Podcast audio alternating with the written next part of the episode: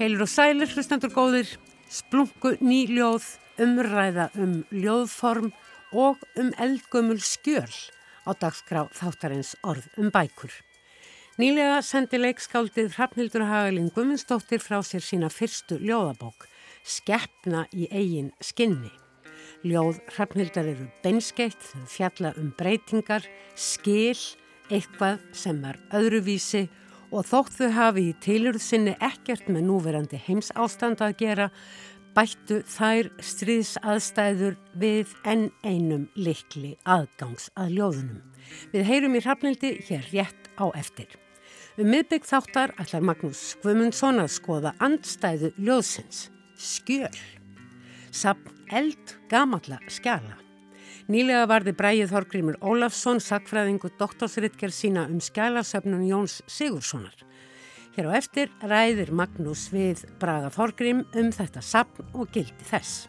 Við endum svo á gömlum andstöðu fylkingum í íslenskri bókmyndasögu sem óþýlaði bóðun gerði tilraun til að endurvekja, já eða um síður sætta, Stöðlar og höfuðstafir eða þið frjálsa form eru ljóðskáld í dag eitthvað að hugsa um það.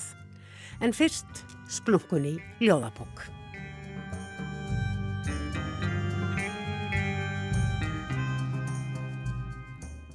Hrafnhildur Hagalín Guðmundsdóttir, leikskáld og dramaturg, hefur sendt frá sér sína fyrstu ljóðabók.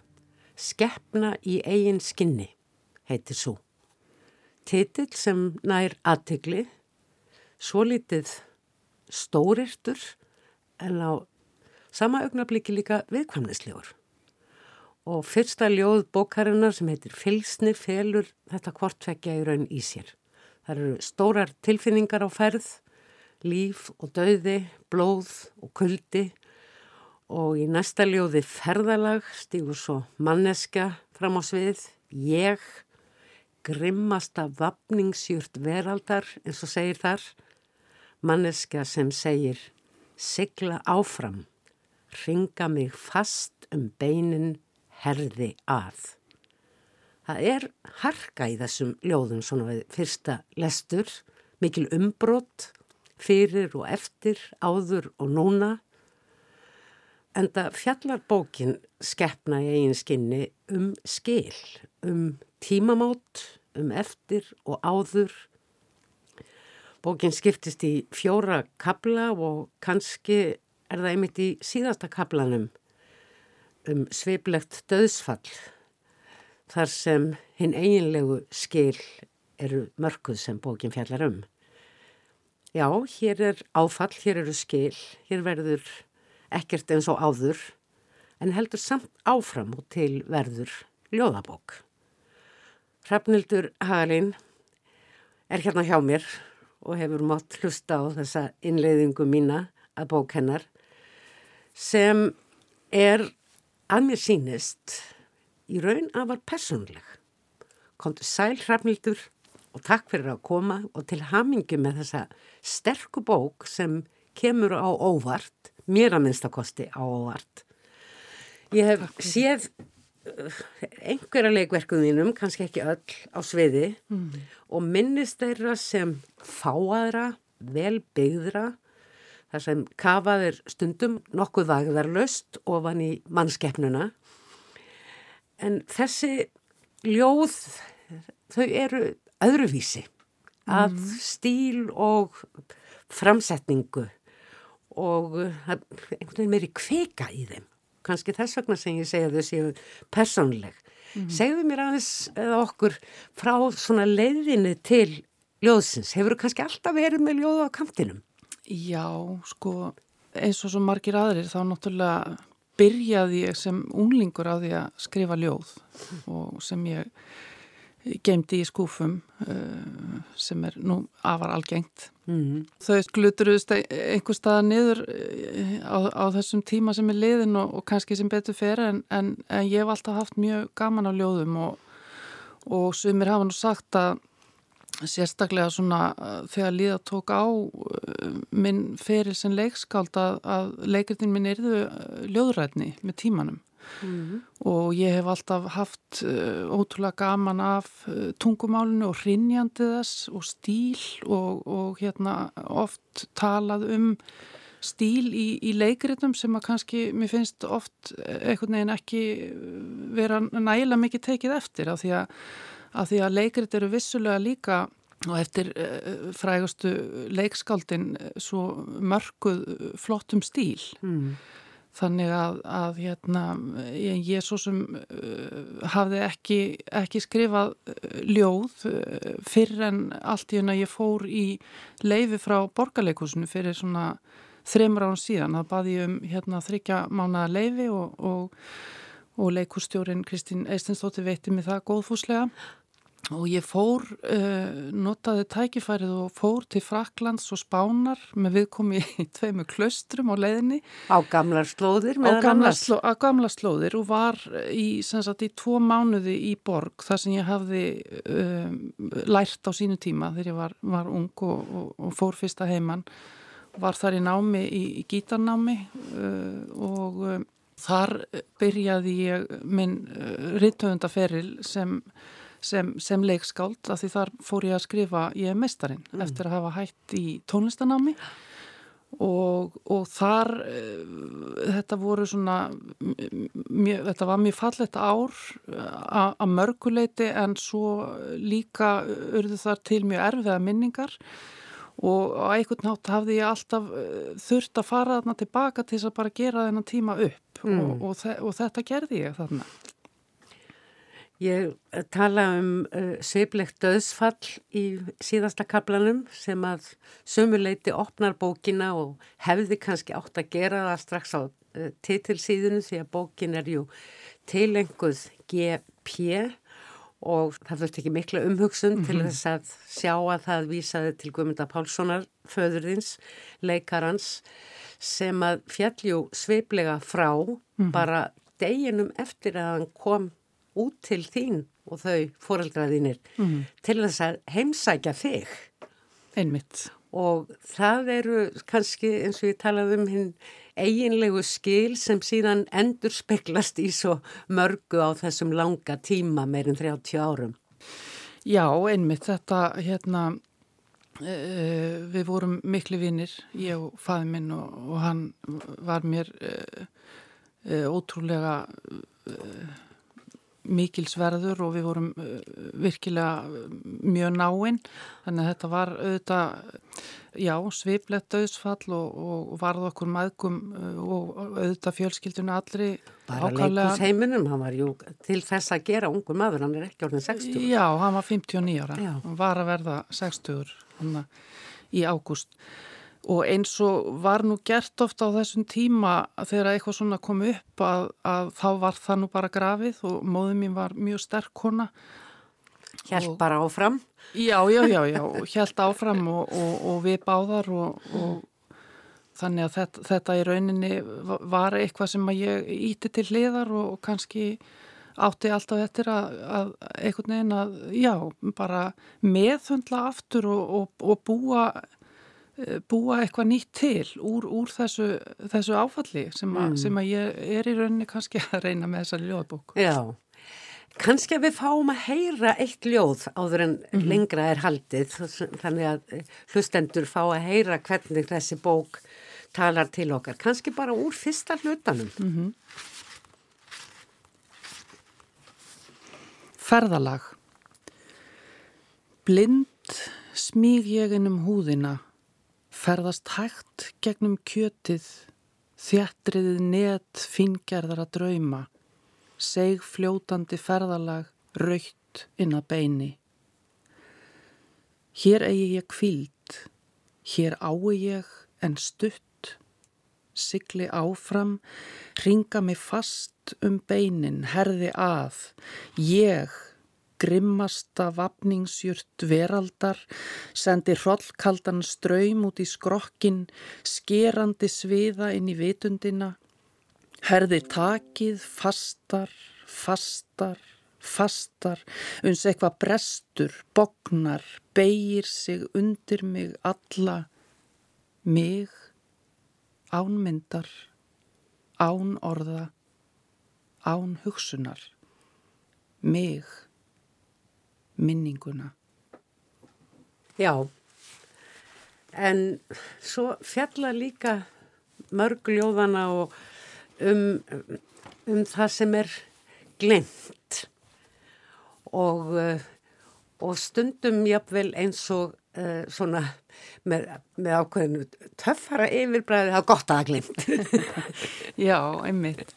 Já, sko það var mjög merkilegt að koma tilbaka til þessara borgar og það eru náttúrulega einlega 30 á liðin síðan, síðan ég, ég hafi verið þarna eitthvað og er svo, þetta er nú eitt af því sem er svo skemmtilegt við að eldast að, að maður getur farið að skoða einhvern veginn tíman og tímaskeið og staði í öðru ljósi sem maður kemur á aftur og þetta var eiginlega alveg mögnuð upplifun að, að hérna að fara þarna tilbaka mm. og rifja upp og ganga um göturnar og skoða húsin að því að borgin hafi náttúrulega breyst tölvöld mikið en samt ekki og maður sjálfur hafi breyst og var orðin annar og í, á einhvern hátt og þá verður maður alltaf önnu persona eftir einhvern ákveðin tíma þannig að, að ég uppliði þetta mjög stert að koma þarna tilbaka og, og reyna að e, það var í rauninni minningarnar voru geimdar svo mikið í líkamannum.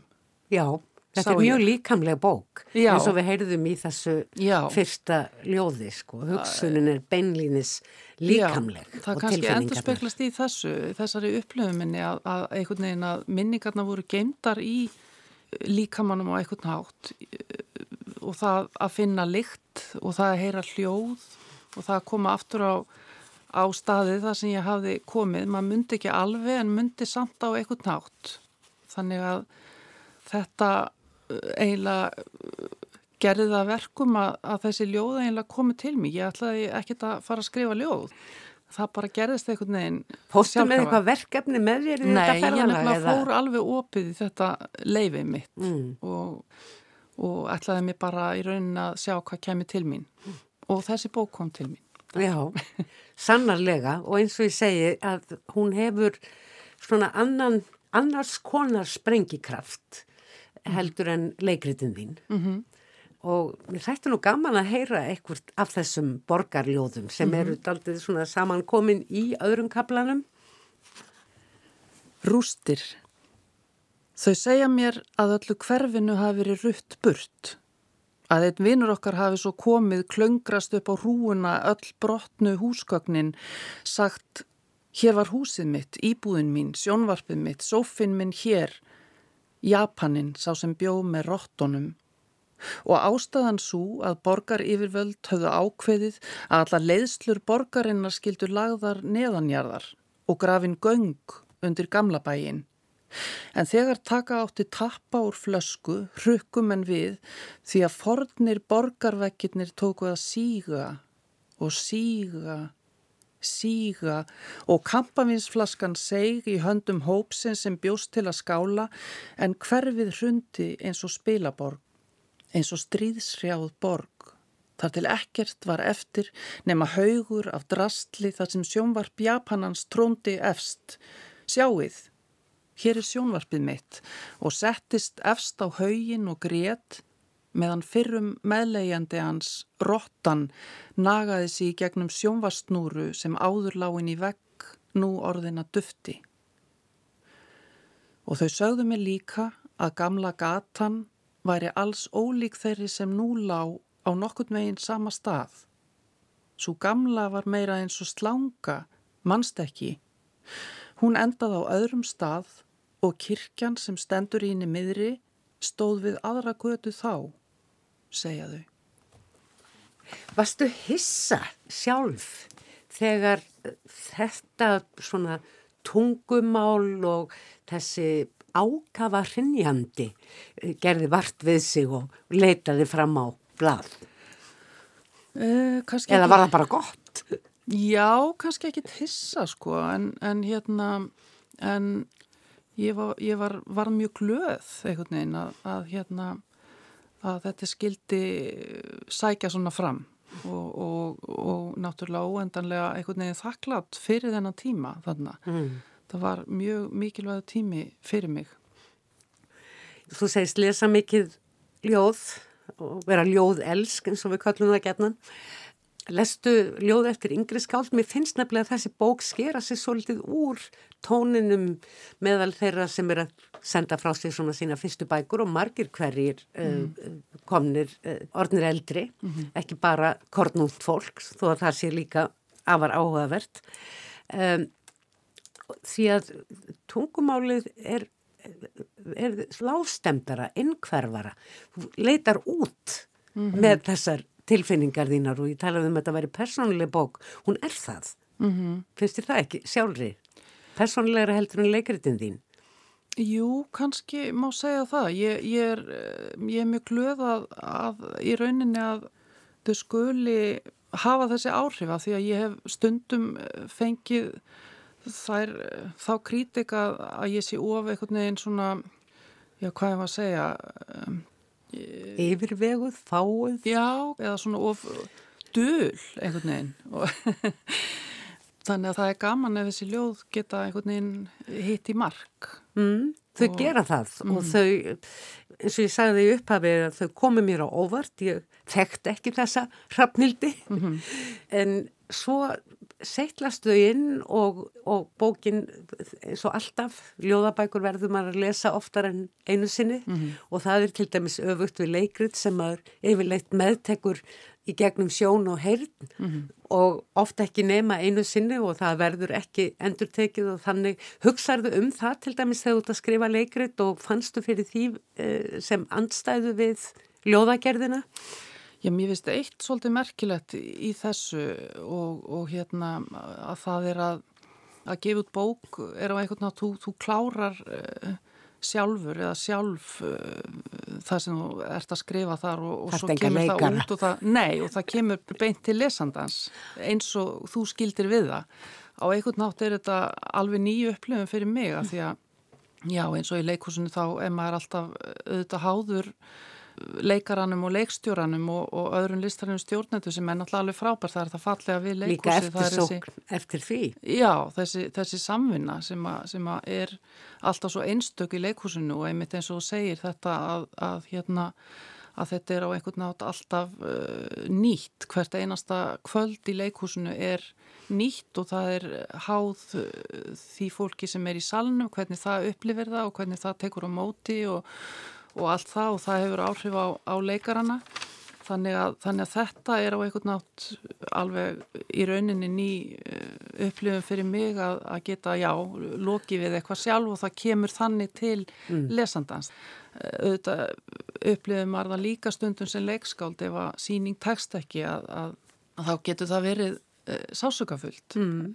Hérna alveg á sama hátt og það er stórkoslegt þegar að, að, þegar að þetta tekst og, og, og hittir í mark. Og tilverður mikill aldinn garður þar sem mm. margir hafa langt, lagt hönd á pló í þess orðs fylstu merkingu. Einmitt. En það eru svona inn á milli svona hljúvari og kannski svona í við, já, ég veit ekki hvort ég á að segja gladlegri eða ljóð, dettur í hug hérna tilbreyði við grænt. Ég elskaði grænt mm -hmm. sem að mér fannst ah, já, indislegt lestu það að kanni já.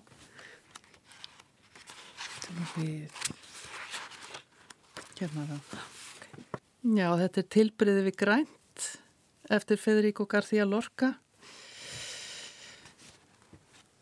Blátt, ég elskaði blátt. Bláa hugsun, bláu kendir Á heiðbláum himni slitur úr myrkri og bláminn kastar silfröðu konfetti yfir rústir húsanna í gilinu. Blátt, ég elskaði blátt. Bláa ljós sem skellur á hverri taug, tælir til fylgilags í mynd sem hverfur fyrir horn. Blátt, ég elskaði blátt. Bláa ljóð. Bláa hljóð sem leið út fyrir varir þínar þann dag undir morgun liðaðist upp í heitri gólu, litaði tíman aftur í aldir, í helbláum draumi um þig. Er Lorca áhrifavaldur? Já, ég... Hann er jú leikreita höfundur sem er líka samt í ljóð. Akkurat, ég las mikið Lorca á mínum yngri árum uh, sérstaklega og hérna og hans leikritin er náttúrulega ákvæmlega ljóðræn líka þannig að já, það má segja að ég hafi alltaf með reglulegu millibili leitað í hans skáldskap og, og, og lærði nú meira, meira að minna spænsku meðal annars á því að, að lesa ljóð eftir lorka. Mér finnst við eigum að ljúka þessu spjalli okkar rafnildur um leið og ég enn og aftur óskæði til hamingi með þessa bók og mæli eindreið með henni. Hún er sérstök eins og reyndar svo margar bækur en eh, eitthvað sem er gaman að hafa með sér sem að gefur manni eldundir afturhendan mm -hmm. og mér langaði til að beða um að lesa síðasta ljóðið í bókinni. Segðu já. Segðu já. Vissu þið að með miljónum farfugla sem árlega ferðast tög þúsundir kílometra í stórum litskrúðum flokkum fara aðrir ósýnilegir þýtur við eira, órægt, flögt, dularfull kend.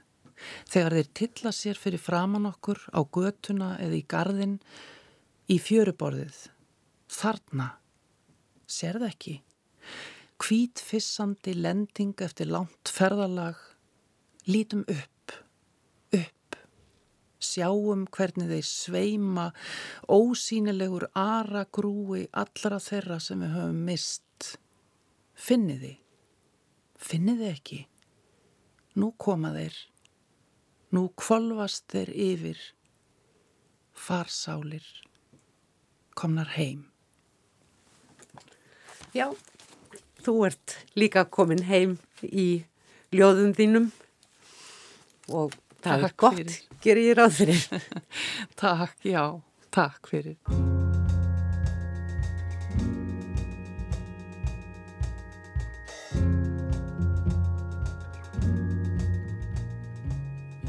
Fyrsti sálmur um Herrans Kristi útgang í graðskarðin. Upp upp mín sál og allt mitt geð, upp mitt hjarta og rómur með, hugur og tunga hjálpi til, Herrans pínu ég minnast vil.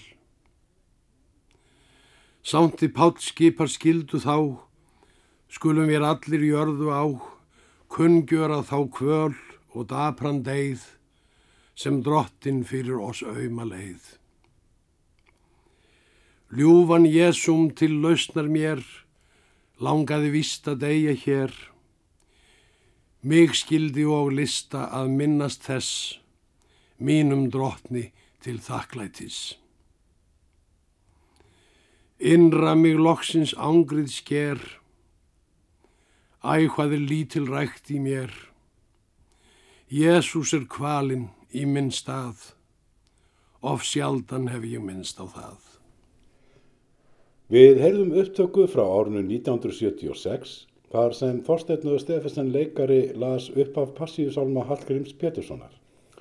Sálmarnir hafi verið fluttir á förstunni hjá Ríkisútarpinu allt frá árinu 1944 sem segir okkur sitt hvað um mikilvægi þessa mestaraverks í hjörtum þjóðarinnar. Þrátt fyrir það vita þó fæstir að eigin handrit skaldsins er að finna í handritasafni þjóðhetjunar Jón Sigurssonar.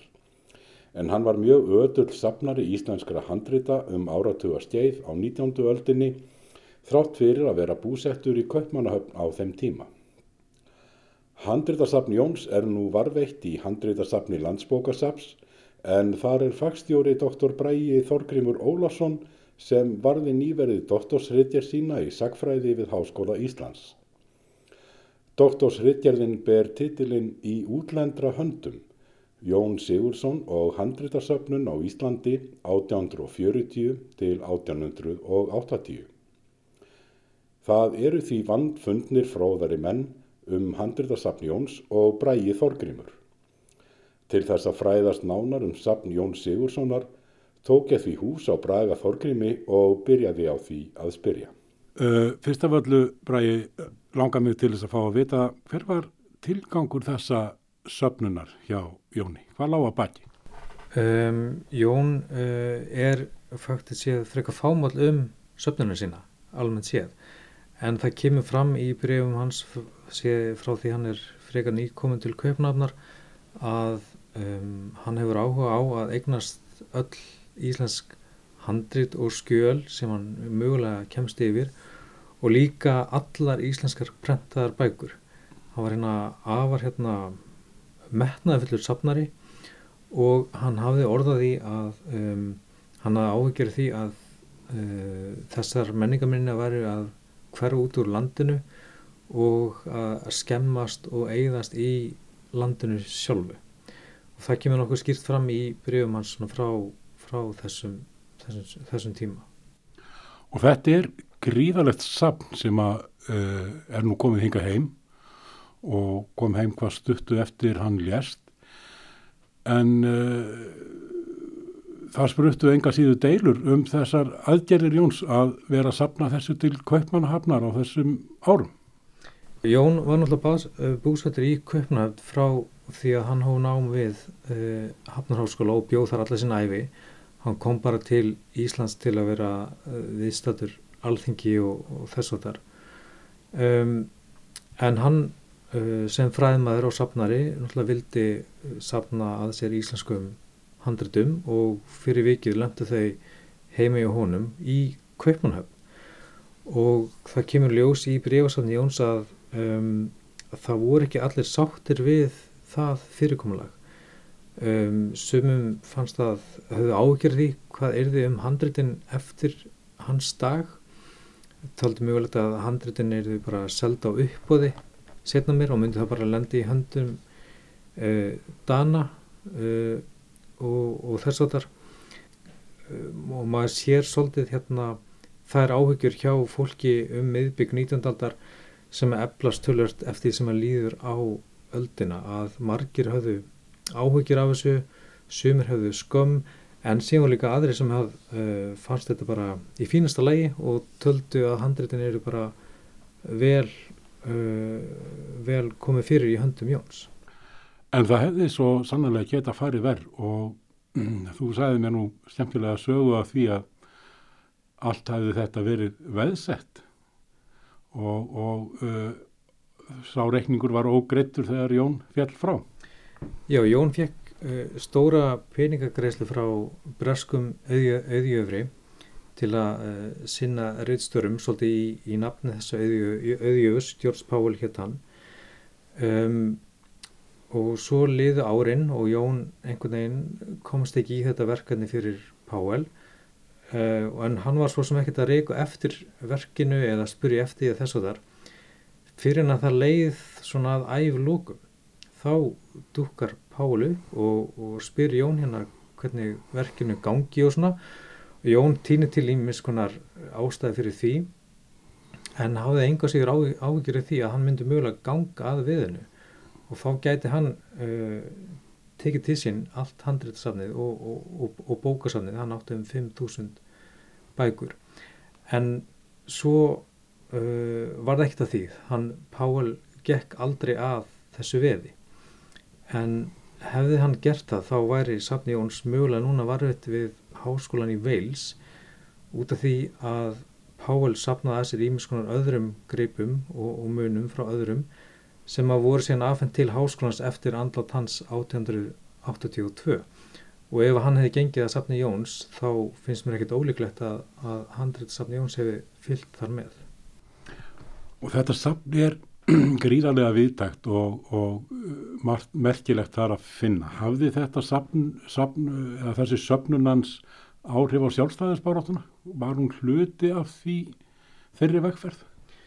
Já, ég held að mig segja það að um, í þessum bríðum á sjá glögt svona þennan þessa menningalegu hlið sjálfstæðisbarátunar. Það er að segja að fólki stóð ekki á sama hvert þessi handrit væru, væru send. Sumir voru vissulega sáttu við það að þau færi til, til Jóns en öðrum fannst þetta reynilega bara óþjóðulegt og, og höfðu komið því skýrt á, á framfæri við Jón og, og sumir tölur bara álega, álega reynd út um, og þessi vitund síðan eflist eftir því sem að líður ölduna og sem að springa síðan út í handreitamálunni í upphæfi 2000 aldar og, og sérstaklega um, um miðbygg aldarinnar og, og fram að lyktum handreitumálsins. Þannig að við sjáum alveg skýra þróun frá því um 1830-40 fram til 19. öld og svo hérna á þeirri 20. í, í handreitumálinu.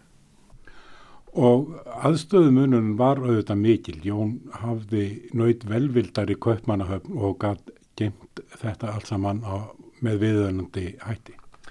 Já, uh, Jón sá uh, sjálfur að hérna, aðstæðan í kaupmannahöfn til fræðistarfa og varðslu bóka og handrita var allt önnur enn á Íslandi.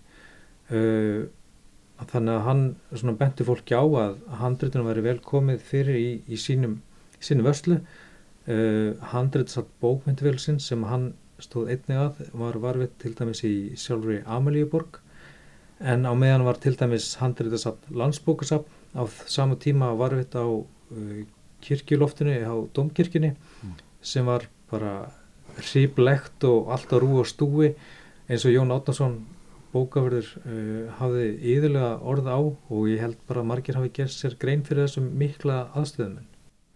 Og það eru ymsir, ymsar gerðsemar þarna inn á milli. Já, það nú talað að einn mesti dýrgripur landsbóksapt sé úr þessu sapni Jóns, það er að segja einhandrið Hallgríms Péturssonar að Passísálmunum, uh, en síðan er líka bara svo fjölmörg önnur handrit frá alþýði fólki og, og líka bara í brefasafni Jóns um, það sem finnum á bref frá uh, mjög fjölbreytum þjóðfélagshópum til dæmis hérna frá, frá tíra stúlku þar sem hún er að lýsa siglingunni frá köpna til Reykjavíkur og er að tala um rauða hattin sinn og tala um köttin sinn sem er hérna uh, á bjálkoloftinu í aðastræti og svo framvegs þannig að þetta er mjög skemmtilegur samtíma speil Þetta er, þetta er fallegt. Er aukin áhugi innan fræðarna finnst þér á þessum alþýðlegu textum? Já, það má kannski segja það. Um, þessi hluti handrita arsins, uh, þar segja svona handrit síðaralda, hefur fengið aukna aðtikli á síðustu áratugum. Þannig að uh, það er kannski ekki endilega alltaf verið að skoða tekstan sem handritin hafa geima heldur líka svona sögu fólksins sem átti handritin og hvað hlutverki þau hefða gegna á, á sínum, sínum tíma. Þannig að þetta er allt svona gripir sem segja sína uh, sögu. Er, hvert er mikilvægi saps á borðu þetta í dag? Þetta er notað til rannsókna og útgáfi á uh, tekstum frá þessum, þessum tímanbili Íslandsögunar og þetta er ekki bara sko, bókmyndatekstar heldur eru, eru þarna líka ímiðskonar skjöl og, og lagaheimildir og, og, og breyfaskipti og annað. Þannig að uh, og þetta er það viða mikið að það er ennþá að koma fram svona í með skemmtileg sjónurhótt sem má nýta enn þann dag í dag Átti þér uppáhaldsteksta úr þessu safni Jóns? Uh, það eru þó nokkur handrið sem koma upp í hugan og líka úr handriðsatni bókmyndafélagsins sem hann, hann stóð líka en mér finnst náttúrulega uh, hand, handrit, einhandrit Hallgríms Péturssonar afskaplega verðmætt en svo finnst mér líka af, þykir mér afarvæntum þetta bref frá, frá stúlkunni til Jóns Takk fyrir Og við skulum ljúka þessu með því að heyra brefið sem Bræi Þorgrimur nefndi Það kom til Jón Sigurssonar frá tíu ára stúlku að nafni Kristín Jónsdóttir Krabbe sem síðar varð fín frú í Kaupmannahöfn Reykjavík þann 21. mæ 1852. Minn góði vinn, þó ég kunni ekki að skrifa verði þó endilega að skrifa mínum góða vinn eina línu. Við vorum ekki 72 daga á sjónum núna en ég var alltaf að gráta þegar við komum nærri landi því það var bæði þoka og regn og þá gæti ég ekki brúkað fallega hatti minn rauða en svo kom solskin og blíða. Við búum í aðalstræti 6 á fyrsta sál, Magnús Grímsson í stofinni og kötturinn í öðrum sál, sem dónarnir kalla bjálkaloft. Ég ætla að byggja yfir um að kaupa fyrir mig og senda mér í næstu ferð komedíuna Abaköttin og legginn tvö mörg. Ef það er ekki nóg, ætla ég að gera svo vel að borga það sem vantar. Ég byrð kærlega að helsa öllum, engum frunni og segriði. Eðar góði vin Stína Jónsdóttir. Það var Erla Hrund Haldórsdóttir sem las brefið sem Kristín Jónsdóttir Krabbe skrifaði Jóni Sigur sinni fórsetta árið 1952 og enn er varðveitt í skjálasafni Jóns.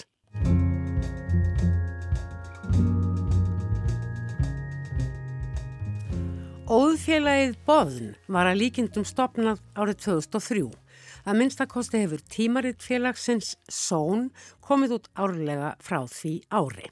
Són er Íslands tímaritt um óðfræði og í því byrtast greinar um ljóðagerð og hveðskap í aldana rás í þessors fylstu merkingu. Æfilega má svo í tímaritinu finna slatta af nýjum ljóðum, auk þess sem tímaritið byrtir í hverju hefti umsagnir um ljóðabækur sem komu út á viðkomandi ári. Í síðasta hefti voru til að mynda byrtar umsagnir um einar 30 ljóðabækur. Óðfélagið Bóðun gengst einnig reglulega fyrir málþingum um hvað eina sem tengist ljóðlistinni fyrr og nú. Eitt slikt var haldið í salnum í Kópavogi fyrir rétturumri viku og var það síðasta atriði dagskrár glæsilegar ljóðaviku í Kópavogi í tilöfni þess að 20 ár er nú liðin frá því ljóðstafur Jóns úr vör var afhendur í fyrsta sinn. Yfirskriftþingsins að þessu sinni var afturgöngur og nýburar í ljóðheimum. Orð sem vísa til skrifa Stein Steinars árið 1950 þegar hann lísti því yfir að þið hefðbundna ljóðform væri dögt. Var þetta rétt álíktað hjá Steini, má spyrja, miða við það að heilt málþing er helga þessari andstæðu, bundið form og frjálst, virðist svo jafnvel ekki vera. Á málfinginu var spurt hvort fríljóð og hefðbundin hveðskapur tilheyri í dag ólíkum heimum sem ekki ná saman. Þeim skáld sem á nýleinu ári sendu frá sér ljóðabækur voru nokkus konar frumælendur á þessu þingi og veldu þau fyrir sér ljóðforminu, tímanum, framsetningarmáta, jafnvel söng. Sannlega áhugavert og hugveikjandi allt saman Án þess þó að eiginlegt svar við spurningum álþingsins um brú eða ekki brú millir hins hefðbundna og frjálsa ljóðforms væri lafað fram. Kanski er niðurstafan einfallega hverjum sitt, hvort heldur skaldi sjálft eða ljóðunandin. Heyrum hér nokkur brot úr huglefingum skaldana 5, fyrst nokkur orð úr ávarpi formans óðfélagsins bóðnar sem er Anton Helgi Jónsson holgerfingur tjæðrar brúar. Öll skáld styðjast við einhvers konar óðfræði og það væri gaman að heyra skáldin hér í dag segja lauslega að koma eitthvað inn á það hvers vegna þau velja eitt form umfram annað. Hvernig velja þau eh, það form sem að þau vilja koma hugsunum sínum í, velur maður form. Fyrstur Yngri skálda sem stegi í pontu var orðfræðingurinn Bræi Valdimar Skúlason sem á liðnu ári sendi frá sér sína fyrstu ljóðabók Jóðl sem inneheldur auðvitað hefðbundin ljóð og náði svo góðum vinsældum. Bræi hefur lengi æft sig í hinnu reglubundna ljóðformi í ljóðum sem ekki síst eru ætlið hinnu ægi vinsæla bandi hans bakalút til flutnings. Bræðir saði sér þekkja væntum þetta form ekki síst af því að það er okkar. En Bræðir spyr eigað síður erum við að missa þetta. Það er eiginlega alveg agalegt að glutra þessu öllu niður. Af því að þetta var svona okkar. Eh, eitthvað sem við kunnum, eitthvað sem við bjúkum til. Ekki vorum við að semja tónlist eða mála málverk eða, eða byggja hús. Við vorum bara, bara með orð og ull einhvern veginn og vorum að nýta þetta svona saman. Og kannski á svona eh, orðaleikum með meira skilt við prjónaskap en andlega upphafningu, ég veit það ekki en það er samt eitthvað ótrúlega fallegt við þetta.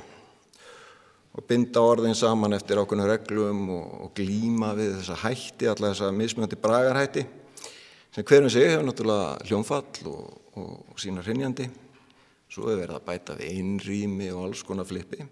Þetta er svona orðaleikvimi, þetta er svona bara andleg, andlegt hérna, já, svona nesti og allt svona eftir þessum kunstarinnar reglum. Allt auðvitað gert til að muna, gleima einhvern veginn ekki einhvers konar mennsku þarna aðná ofan í jörðinni, í myrkrinu. Uh, og þó við þurfum kannski ekkit á þessu sérstaklega að halda í dag með síma sem mann allt fyrir okkur, það má samt alveg svona leifa sér að svona spari að henda í slettu bönd og, og kannski nokkra vísur svona í staðin fyrir að leysa súdúku og, og eitthvað álíka. Við hættum til þess að geta prjóna lópapeisur þó að við getum farið og keft okkur buff. En þetta er svona kannski meira huglegging um þetta handverk, svo er allt, allt annað mál með innihaldið og þetta blessaða listfengið allt saman. Það er auðvitað mjög auðvelt að komast í gegnum lífið án stuðla og höfustafa og ennþá auðveldar að sennilega fara í gegnum farsalan höfundaferil á þess að rýma nokkuð tíman eitt við neitt. En við eigum þessa hefð og þó hún sapni Riki og ræti kannski ekki inn á listaháttiðir eða sé búið á bestastæði þá, þá er hún aðna. Ein mitt. Brynja Hjálmstóttir sendi frá sér sína fyrstu ljóðabók Ókfruman árið 2020 og svo kona lítur við árið síðar og hlaut verlun og viðurkenningar fyrir báðar. Brynja undistrykkaði í sínu erendi aðdáun á og fjölskyldu tengsl við hefði hefðbundna ljóðform ekki síst stein steinar. Fyrstu ljóðaskref hennar voru enda rígbundin viðurkendun líka á barsaldri reyndar en nú er hún orðin stór og ljóðskáld með sína eigin aðferð. Stundum er látið eins og engin tækni fælst í því að yrkja, já það sé engin tækni sem búa baki frjálsum hverskap eða skaldskap hann sé einhvern veginn handan tækninar en ég held að það sé líka miskinningur og öll form krefjist einhvers konar tæknilegar færni og þjálfunar þó hún sé ólíks eðlis. Og kerfisbundin tækni sem ég hef notað er til dæmis e, ósjálfrað skrif eða svona hugarflæði sem er tækni sem er sótt úr verkvarækistu surrealismans uh, og önnur tækni sem ég nota sjálf líka er svona hljómfall og hrinjandi, jáfnveil einhvers konar stuðla setning sem að skiptir mjög máli að því mér er mjög andum hvernig textin hljómar í flutningi og ég vel orð og hafna þeim uh, út frá þessu. Allur hveðskapur snýst að einhverju leitum að hitta í mark. Um, Kanski snýst bundin hveðskapur ögn meira um að hitta í mark en aðrar stefnur. Það stefna samt allir að því marki og ferðin þá gæðir bara eins ólík og aðferðin eru ólíkar. Viðbröðin eru líka ólík. Þú getur alveg sagt eitthvað að sigra heiminn er að spila spil með spekjuslegum svipóttak í nefið og allt mjög glöðu geði gerðnast þetta veði og þú, þú tapir ekki, gerir ekki til hann er bara villust gefið eins og steinsteinar eða allir hrafnar eru gat og innvolsið uppdráttur á morgun degi eins og Brynjólu Þorsteinsson gerir í löðu sinni Gormánuður eða þú getur gert eins og í læginu Rex eftir rappanum Byrni Kobe, Obi-Wan Kenobi, trópi á ódýrt, OG Tjernobyl, ópíðar of mikið prótín, ég er Mowgli homie, heima horfa á My Little Pony, Sue Bitches Goji, flowið mitt þeir íta á Kobe og svona kannski kallað fram svipu húhrif hjá aðdáðandum þínum. Allur hverskapur snýstum að koma einhverju framfæri og snjallan hátt og til þess að kunna metan þarf maður bara að hafa aðgang að kerfinu sem mann e, er inn í. Og þannig að þetta snýst bara í grunninn hvað maður fílar. Og eins og með allalist þá er alltaf þróun. Það kemur nýbilgja og sem, sem hefur ekki, eða vill kannski ekki hafa aðgang að gamla kerfinu og býr til sitt eigi kerfi eitthvað nýtt. Og það mun alltaf gerast uh, og það er ekkert slæmt. Uh, og það þýðir heldur ekkert að það sem áður kom sé verra eða eitthvað neginn úreld sjálfkrafa Haugur Ingvarsson sendi frá sér sína fyrstu ljóðabók árið 2004 en svo nýjasta og þriðja ljóðabók Haugs, Menn sem elska menn, kom út í fyrra og vakti mikla aðtikli. Haugur lagði út frá einsleitni og hvernig á ákveðnum stígum þróunar í samfélaginu barninu er jafnvel hemt út með baðvatninu. Haugur vitnaði þar til greinar ljóðskáldsins og þýðandans einar spraga í tímaritinu Byrtingi fyrir rúmum 70 árum. Í listum liggur engin leið tilbaka. Þar lýsir einar bræi meðal annars því sem nú lægi að baki. Hvæði voru líka að maður einar spraga, alþýleg og ólík lausumáli að því leiti að þau þurfti ekki að skráa bækur sem lengi voru dýrar fyrir alla alþýðu manna. Hvæði í bundnum áli fullnaðu því þörfum inn að læri stjætta fyrir episka skemmtun í formi rýmna, þau voru farvegur fyrir pólitíska ádeilu á menn og málefni, þau mátti nota til að predika, til að minnast látina og þau voru jafnveil sungin og undir þeim dansað. Grein Einars Braga er skrifuð í köldustríði og yfirlýsingar um að listin sé fyrir listina, ljóð eigi að vera en ekki merkja eða að ljóðskáld eigi að einbeita sér að ljóðlistinni framar öllu öðru, eru hlaðnari pólitískari bóðskap en okkur órar fyrir okkar tímum.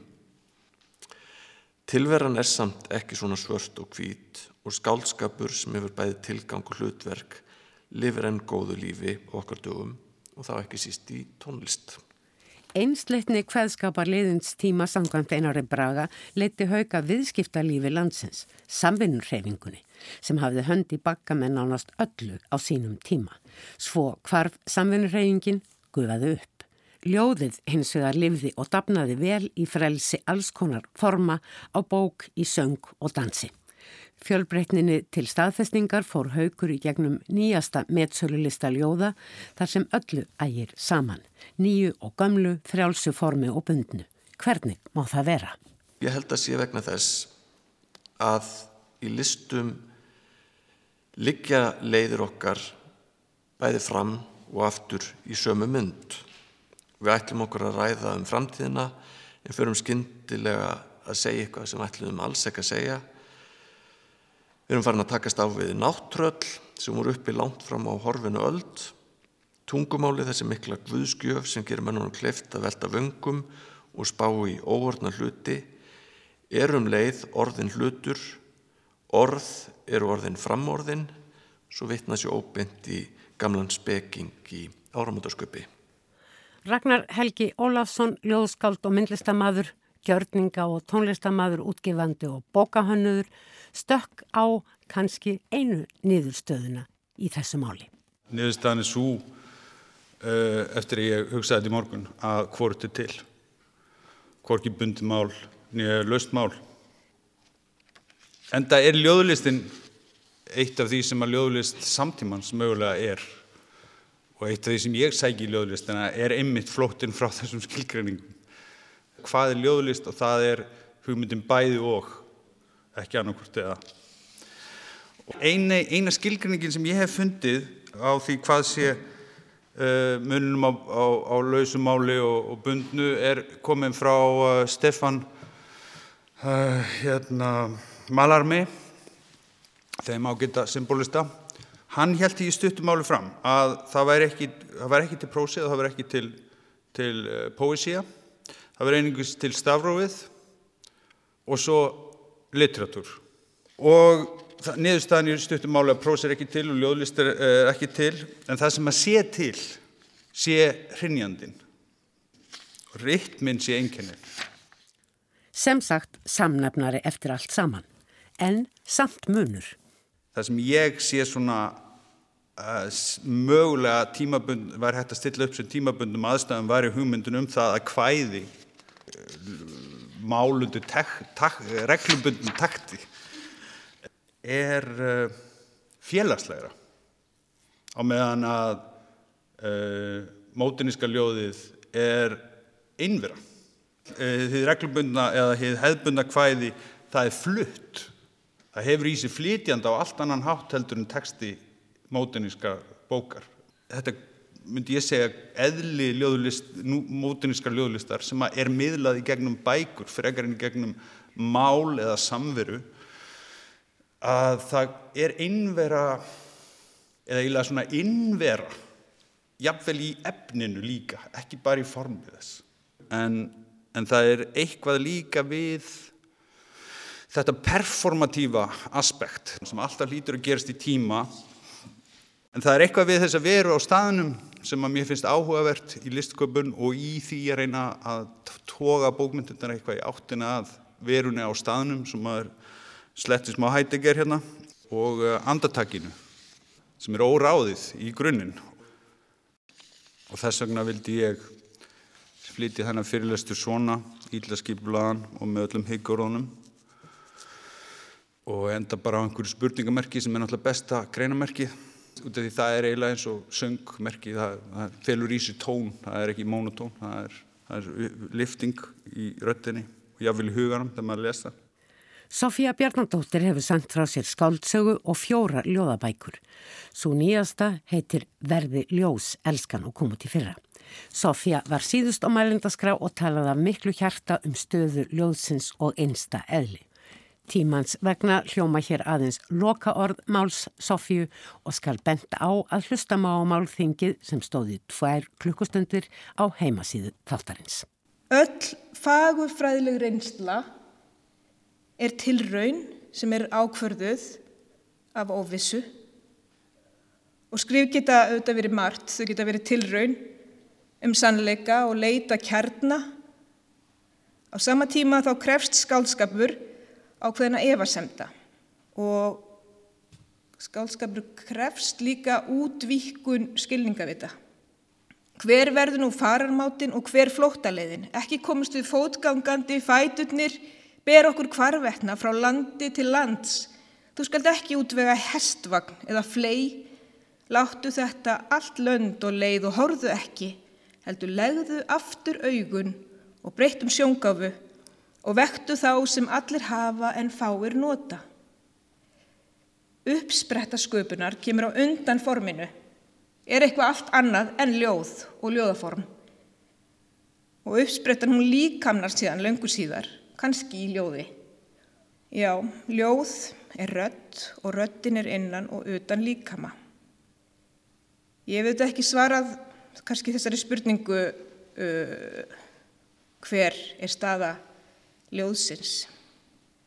En mér langar kannski að segja helst sko varðveittu röddina, ljóð er farskjóti ratta, ljóðið er jafn þröngsýnt og tíminn, en það getur einnig sprengt tíman og ljóði vissulega andadráttur, þróttmikill, ör, stóískur, slítróttur, leið til að deyja, leið til að lifa. Fleiri verða orðum bækur ekki að þessu sinni. Gott hljóð var í bóði Georgs Magnússonar, teknimanns. Takk fyrir að hlusta, verði sæl.